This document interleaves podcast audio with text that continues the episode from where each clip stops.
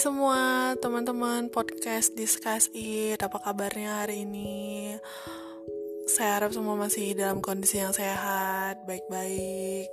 Kalaupun menghadapi masalah Ya semoga masalahnya tidak terlalu rumit. Hmm, Hari ini saya um, memiliki satu sesi baru di acara podcast saya.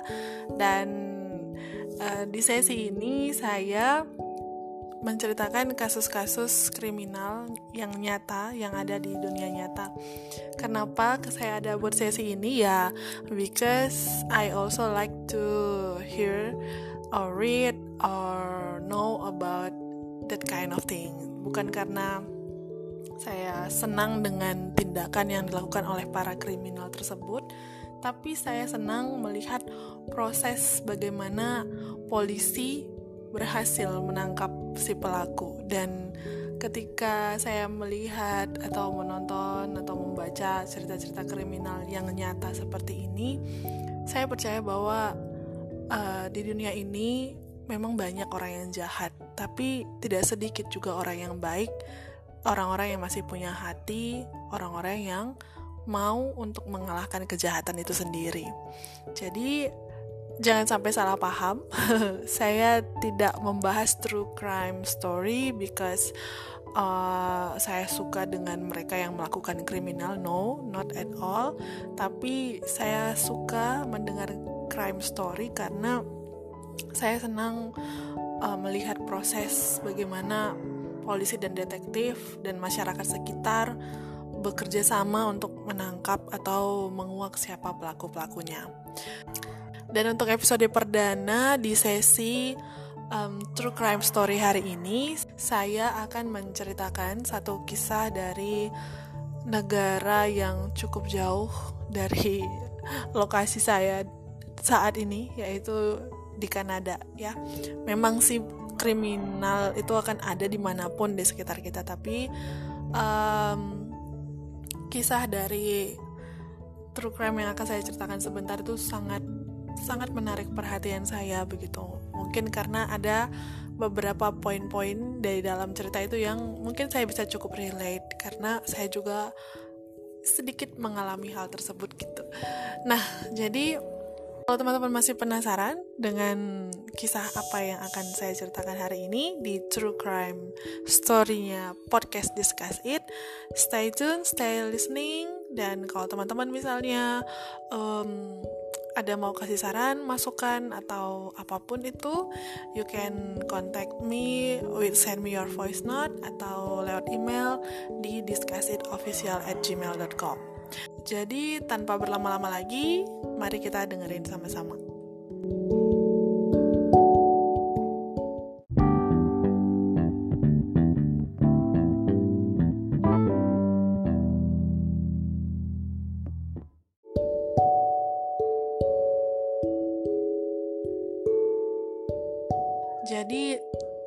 Story yang akan saya ceritakan hari ini adalah um, kalau mungkin teman-teman podcast juga udah pernah dengar yaitu kisah seorang anak perempuan yang pembunuhan orang tuanya itu terlihat seakan-akan itu perampokan.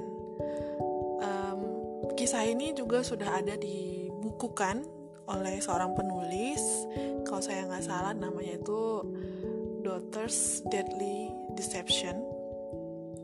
Jadi uh, orang-orang yang terlibat dalam kisah ini yaitu Jennifer Penn. Nah, dia adalah anak yang akan membunuh orang tuanya. Kemudian orang tuanya yaitu Han Penn dan Big Penn. Uh, mereka memang tinggal di Kanada, tapi mereka sebenarnya adalah orang yang berasal dari Vietnam makanya namanya juga agak Asia-Asia gitu jadi uh, Big dan Han Pen ini itu asalnya dari Vietnam mereka imigran dan menetap di Kanada jadi Han Pen sebagai kepala keluarga itu dia pindah ke Kanada tahun 1979 karena ada pergolakan politik di Vietnam dan mulai membangun hidupnya. Kemudian dia ketemu dengan istrinya yaitu Big Pen di Kanada, lalu mereka menikah. Tahun 86 lahirlah anak perempuan kesayangan mereka yang mereka beri nama Jennifer Penn. Dan menyusul adiknya tiga tahun kemudian saya nggak mau sebut namanya karena dia nggak terlibat di um, kisah ini. Jadi um, mereka ini dibesarkan dalam situasi keluarga Asia pada umumnya ya. Makanya tadi saya bilang saya mungkin bisa relate dalam beberapa hal gitu. Artinya apalagi mungkin karena mereka adalah imigran jadi kedua orang tuanya yaitu Han dan Big Pen betul-betul punya harapan tinggi untuk kedua anaknya ini gitu.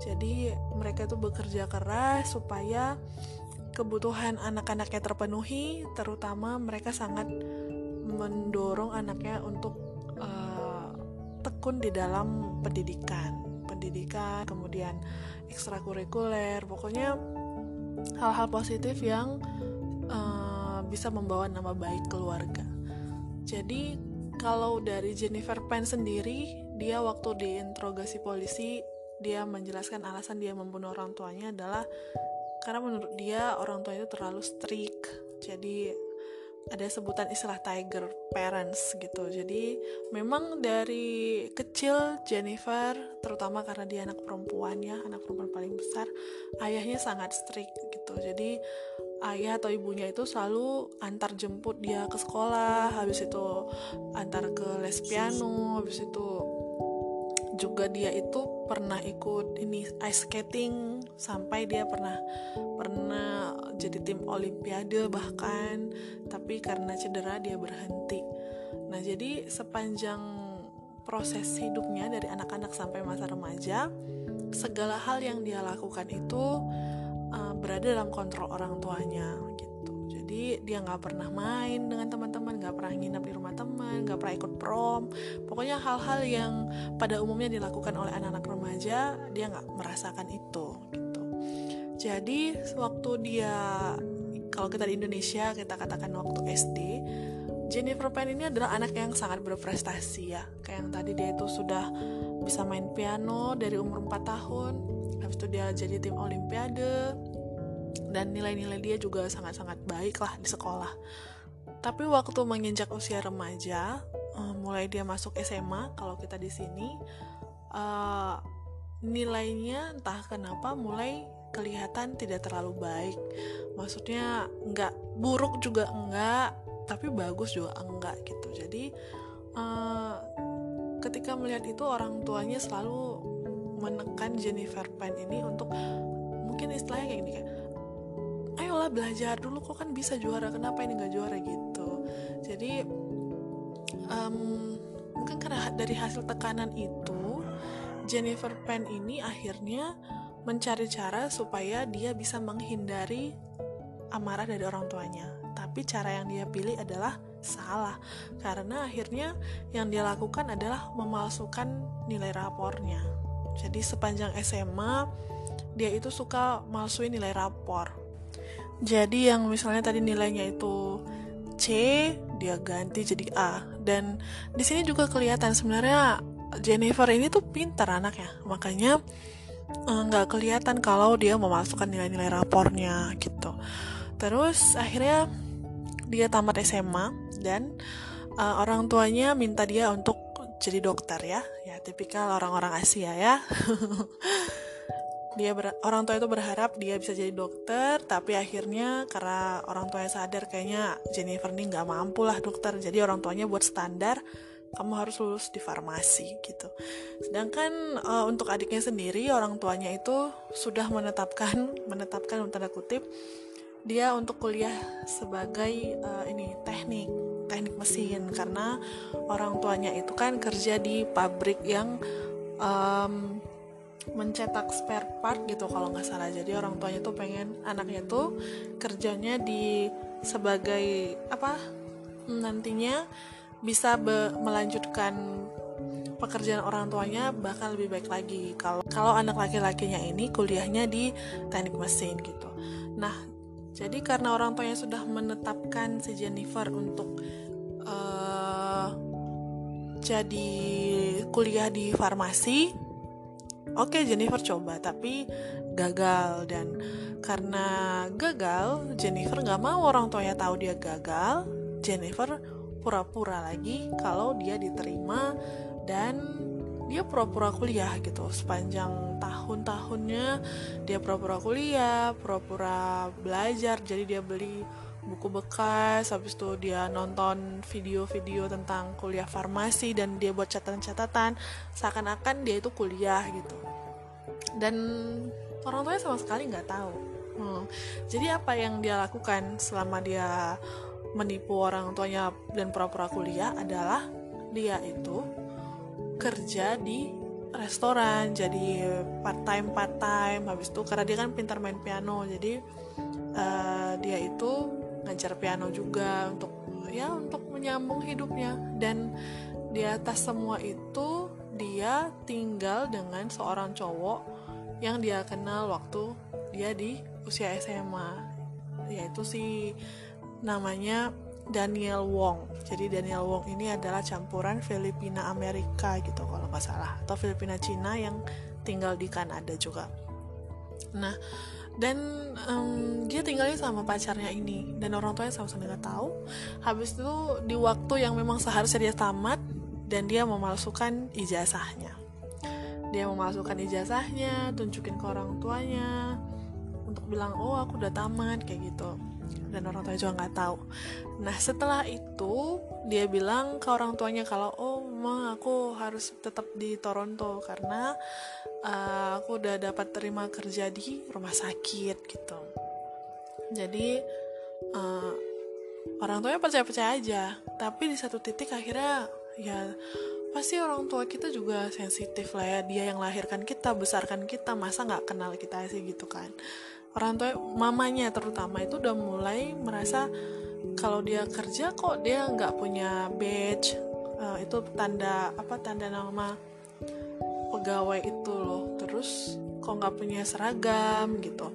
Jadi pernah satu hari mamanya ikutin dia waktu dia bilang dia mau kerja gitu mamanya ikutin dari belakang tanpa sepengetahuan dia dan akhirnya mamanya lihat kalau dia tuh bohong dan terungkaplah semua yang dia simpan selama ini. Yaitu kebohongan-kebohongan dia akhirnya terungkap semua semua semua bahwa dia nggak kuliah bahwa waktu SMA dia sering memasukkan nilainya segala macam segala macam terungkap. Bapaknya ngamuk kan? Bapaknya ngamuk bapaknya mau usir dia dari rumah. Mungkin bapaknya bilang udah pergi ya kau dari sini gitu.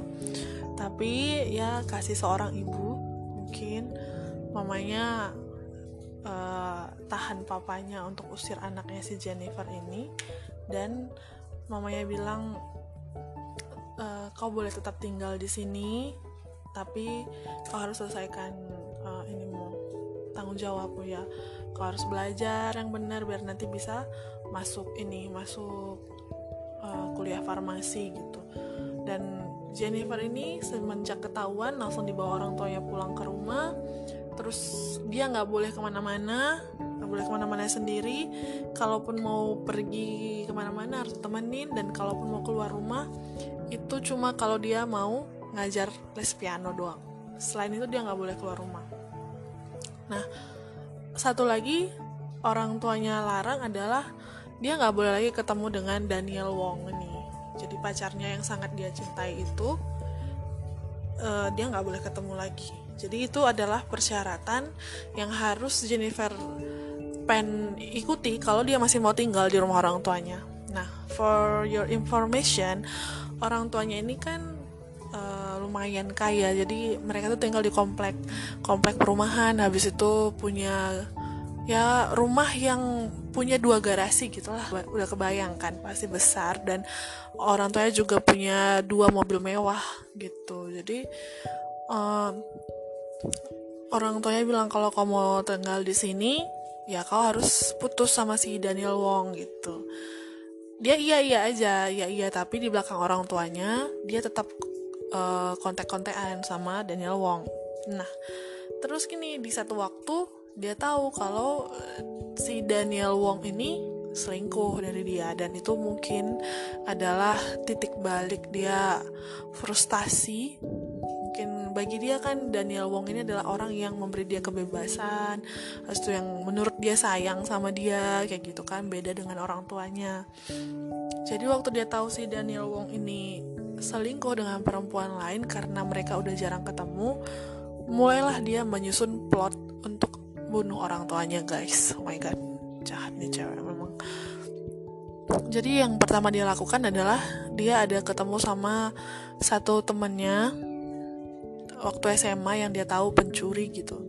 Terus uh, dia omong ke temannya ini supaya gimana ya caranya aku bisa ketemu sama orang yang bisa aku bayar untuk bunuh uh, orang tuaku dia bilang. Jadi uh, dia sempat udah kasih 200 dolar ke temannya ini untuk bunuh papanya di parkiran gitu. Tapi temannya ini nggak mau karena uh, dia nggak temannya ini memang orang jahat tapi dia nggak mau kalau harus bunuh papanya gitu.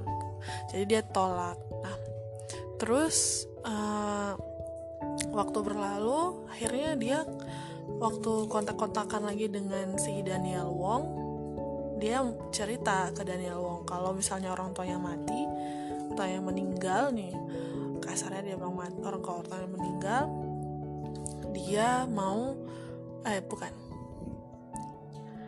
kalau orang tuanya meninggal dia akan mewarisi 500 ribu dolar Amerika. Jadi itu adalah total warisan yang akan dia terima. Itu berapa ya? 500 ribu. Ya misalnya tambahkan 4 nolnya berarti 50 M gitu kali ya. Hmm, jadi dia akan warisi 50 M. Nah jadi si Daniel Wong ini bilang ya udah kalau kau mau kau kenalin sama satu ini. Ada ada nih kenalanku. Dia itu biasa dipakai untuk bunuh orang gitu.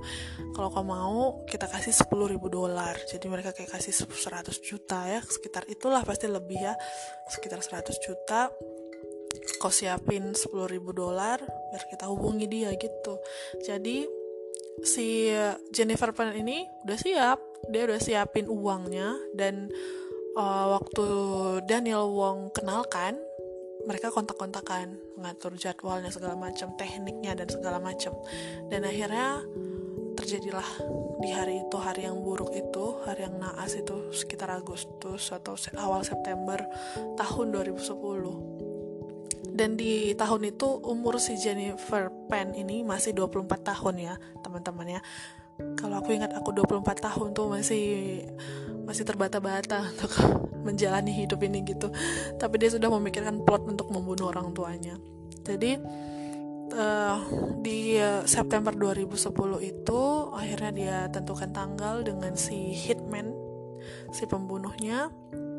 Lalu dia buat kode kalau misalnya uh, dia hidup matikan lampu kamarnya itu adalah kode bahwa dia sudah buka pintu rumah untuk mereka bisa masuk Nah, jadi plot yang mereka susun adalah Jennifer mau membuat ini seakan-akan perampokan, tapi akhirnya uh, perampokan ini berujung pada pembunuhan gitu. Jadi uh, waktu si hitman ini masuk, si hitman ini pura-pura kayak mau merampok itu, tunjukkan semua hartamu, minta uangmu gitu-gitu. Habis itu setelah mereka kasih uang, mereka bariskanlah si papa dan mamanya Jennifer ini. Mereka tutup pakai selimut habis itu mereka tembak berkali-kali. Mamanya langsung meninggal Big Pen langsung meninggal di tempat. Lalu Hand Pen nah ini dia Tuhan itu nggak tidur ya inilah buktinya. Uh, jadi si Jennifer ini kan waktu dengar bunyi tembakan mikir kalau oh orang tua itu udah pasti mati. Jadi dia telepon lah 911 dia telepon dia bilang oh, help me help me. Uh, ada yang masuk ke rumah. Dia ini tadi aku ada dengar suara bunyi pop yang besar. Dia bilang uh, tolong segera datang tolong segera datang gitu. Terus uh, si dispatchnya tanya siapa yang ada di rumah? Gitu. Uh, aku bapak dan mama aku gitu dia bilang ayo coba coba lah kayak pura-pura gitulah. Pura-pura nangis gitu dasar bajingan.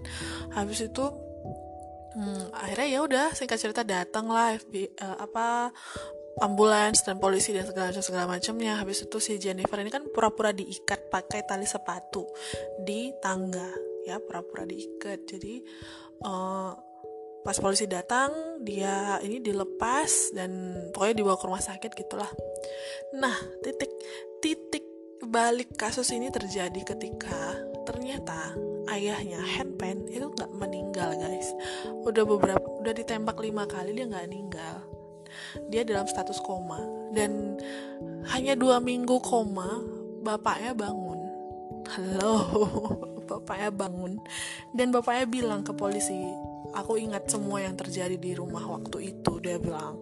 Dia ingat kalau si Jennifer ini akrab omong-omong akrab sama si pembu uh, si perampok itu. Dia bilang gitu waktu selesai tembak dor dor dor mereka ada uh, bapaknya masih lihat kalau si Jennifer tuh ngobrol sama si perampok ini gitu bayangkan.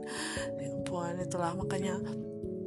Jadi setelah terima laporan seperti itu uh, polisi langsung tangkap si Jennifer dan langsung uh, apa namanya langsung diinterogasi segala macam segala segala macam. Habis itu ternyata Jennifer ini punya ini dia punya kebiasaan tuh berbohong. Nah, jadi setelah polisi perhatikan memang dari sejak pertama interviewnya mereka Jennifer ini udah bohong bohong. Semua semua yang dia ucapkan itu nggak nggak ada satu hal pun yang bisa dipercaya gitu. Dan ketika ayahnya sudah bangun habis itu bersaksi dan menyudutkan Jennifer. Jennifer udah nggak bisa ngelak lagi. Akhirnya dia ngaku. Dia bilang gini iya aku mau ngaku sekarang. Maaf lah aku udah mau aku mau ngaku. Dia bilang. Terus polisi bilang ya udah ngaku. Omong lah apa yang yang terjadi. Dia bilang gini lagi sebenarnya aku sewa pembunuh itu bukan untuk bunuh orang tua aku tapi untuk bunuh aku. Dia bilang. Dia bohong lagi guys dia bohong lagi. Habis itu polisi udah mungkin udah bosan lah dia. Dia pokoknya bersikuku bilang sebenarnya aku tuh sewa mereka bukan untuk bunuh orang tua aku tapi bunuh aku tapi mereka salah sasaran gitu gitulah habis itu akhirnya polisi bingung mau gimana polisi panggil lah si pacarnya Daniel Wong ini. Dan akhirnya si Daniel Wong ini uh, mengaku dia bilang dia yang kenalkan orang itu ke Jennifer. Dan Jennifer itu kontak-kontakan sama si orang ini. Nah, si pembunuh ini ternyata nggak buang handphonenya. Jadi kartunya dia buang tapi handphonenya itu yang dia pakai untuk kontak-kontakan dengan Jennifer ini nggak dibuang.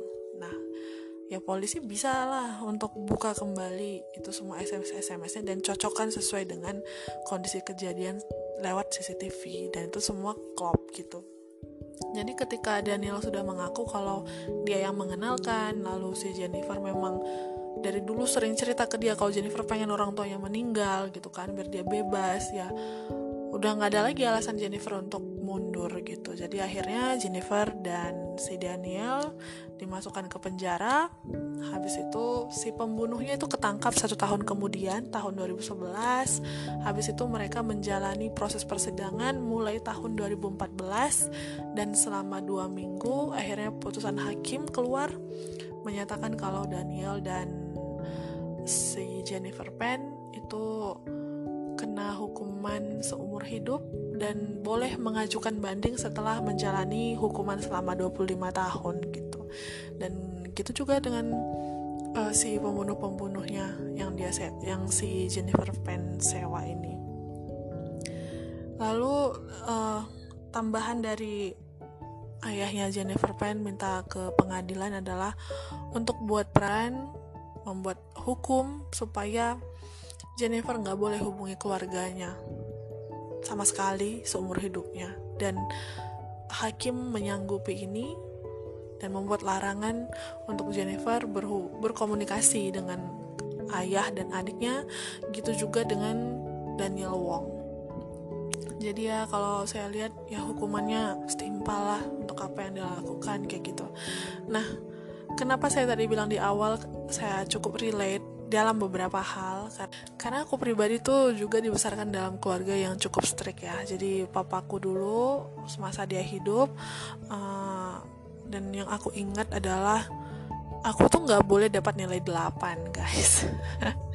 Terutama nilai matematika dan bahasa Inggris. Jadi kalau aku dapat nilai 8 ujian atau latihan atau apa pun itu aku tuh bakalan disuruh berdiri di sudut rumah angkat satu kaki pegang kuping untuk merenungkan kesalahanku gitu loh. Dan papaku juga nggak terlalu suka kalau aku punya banyak teman habis itu suka main di rumah teman apalagi temannya tuh laki-laki papaku marah gitu. Jadi papaku juga uh, ini dia juga mau aku jadi dokter gitu kan. Tapi ya puji Tuhan aku juga pengen gitu. Jadi paling nggak dalam hal ini membuat aku berbeda dengan Jennifer Pan gitu. Jadi aku memang pengen juga jadi dokter ya. Ketika papaku pengen aku jadi dok pengen lihat aku jadi dokter aku juga pengen gitu. Dan ya itulah ya maksudnya memang dalam beberapa kasus nggak bisa dibenarkan tindakan Jennifer Pan apa pun alasannya. Mau dia bilang ayahnya itu adalah tiger parents kah mamanya tiger parents ya itu bukan alasan untuk membunuh orang tuamu sendiri kayak gitu loh. Jadi uh, makanya aku besar dalam keluarga yang kondisinya yang strict juga yang seperti itu juga. Cuma satu hal yang aku pahami adalah semua orang tua itu sayang sama anaknya kayak gitu loh. Dan ya ini dengan catatan orang tua yang waras ya. Selagi orang tua itu orang tua yang waras cuma dialah orang yang paling menyayangimu sebagai anak. Gak ada orang lain di dunia ini. Gak ada pacar gak ada tetangga gak ada tante gak ada orang yang paling sayang samamu adalah mama dan papamu. Gak ada orang lain percayalah walaupun misalnya kamu lihat sekarang mama papaku kejam atau apa segala macam. No mereka benar-benar hanya mereka lah orang-orang yang benar-benar mencintaimu gitu loh. Melahirkan membesarkanmu mengajarimu cara berjalan memberikanmu pakaian. Bahkan mungkin kalau kondisinya susah mereka tahan selera untuk makan untuk supaya kau bisa makan kayak gitu ya tapi dengan catatan orang tua yang saya maksud di sini orang tua yang waras ya. Bukan orang tua yang abusive bukan orang tua yang kriminal bukannya tapi yang yang waras lah kayak gitu. Jadi tujuan orang tua itu selalu baik ke kita. Jadi nggak aneh kalau di Alkitab pun bahkan ada satu firman Tuhan sendiri yang membahas tentang orang tua gitu. Uh, di hukum Taurat Tuhan bilang hormatilah ayahmu dan ibumu supaya panjang umurmu di di tanah yang diberikan Tuhan Allahmu kepadamu. Jadi ya orang tua itu adalah orang yang Tuhan percayakan untuk memelihara dan merawat kita loh di dunia ini gitu. Jadi jadi mereka sebagai tiger parent itu bukan alasan untuk menyakiti mereka gitu loh. Jadi ya tapi benar-benar bersyukur polisi berhasil menangkap mereka dan yang paling bersyukur lagi adalah uh, ayahnya itu nggak meninggal. Walaupun pasti uh, ayahnya maupun adiknya yang masih ada sekarang masih hidup pasti memiliki trauma yang sangat parah. Bayangkanlah anak yang kau kasihi yang kau sekolahkan kau beri makan itu membunuhmu gitu loh. Dan membunuhmu bukan dengan tangannya sendiri lagi dengan membuat itu plot seolah-olah dengan harapan kalau kau meninggal maka kau maka dia akan mewarisi uang yang besar gitu. Dan wow padahal orang tua itu kerja keras untuk dia juga sebenarnya. Jadi itu tadi dia teman-teman. Cerita true crime story versinya saya di podcast Discuss It hari ini. Ambil sisi positifnya. Jangan fokus di tindakan kriminalnya tapi um, semoga cerita ini membuat kita semakin menyadari kalau uh, orang tua ayah dan ibu kita adalah orang-orang yang sangat berharga di dunia ini so that's it for today Thank you for listening. Dan untuk semua teman-teman podcast saya di mana pun berada, semoga selalu dalam kondisi yang sehat. Saya selalu berdoa teman-teman selalu dalam kondisi yang bahagia. Kalau sudah mulai patah semangat, ayo semangat lagi. Semuanya pasti selesai, semuanya pasti berlalu. This too will pass, guys. Apa pun yang terjadi, corona will pass krisis ekonomi will pass, everything will pass, but kita itu harus tetap semangat, tetap bertahan apa pun yang terjadi karena ya hidup itu cuma sekali. Jadi kenapa nggak lakukan yang terbaik? Ya kan? Oke deh sip. Terima kasih untuk semua yang udah dengerin. Sampai jumpa lagi. Bye bye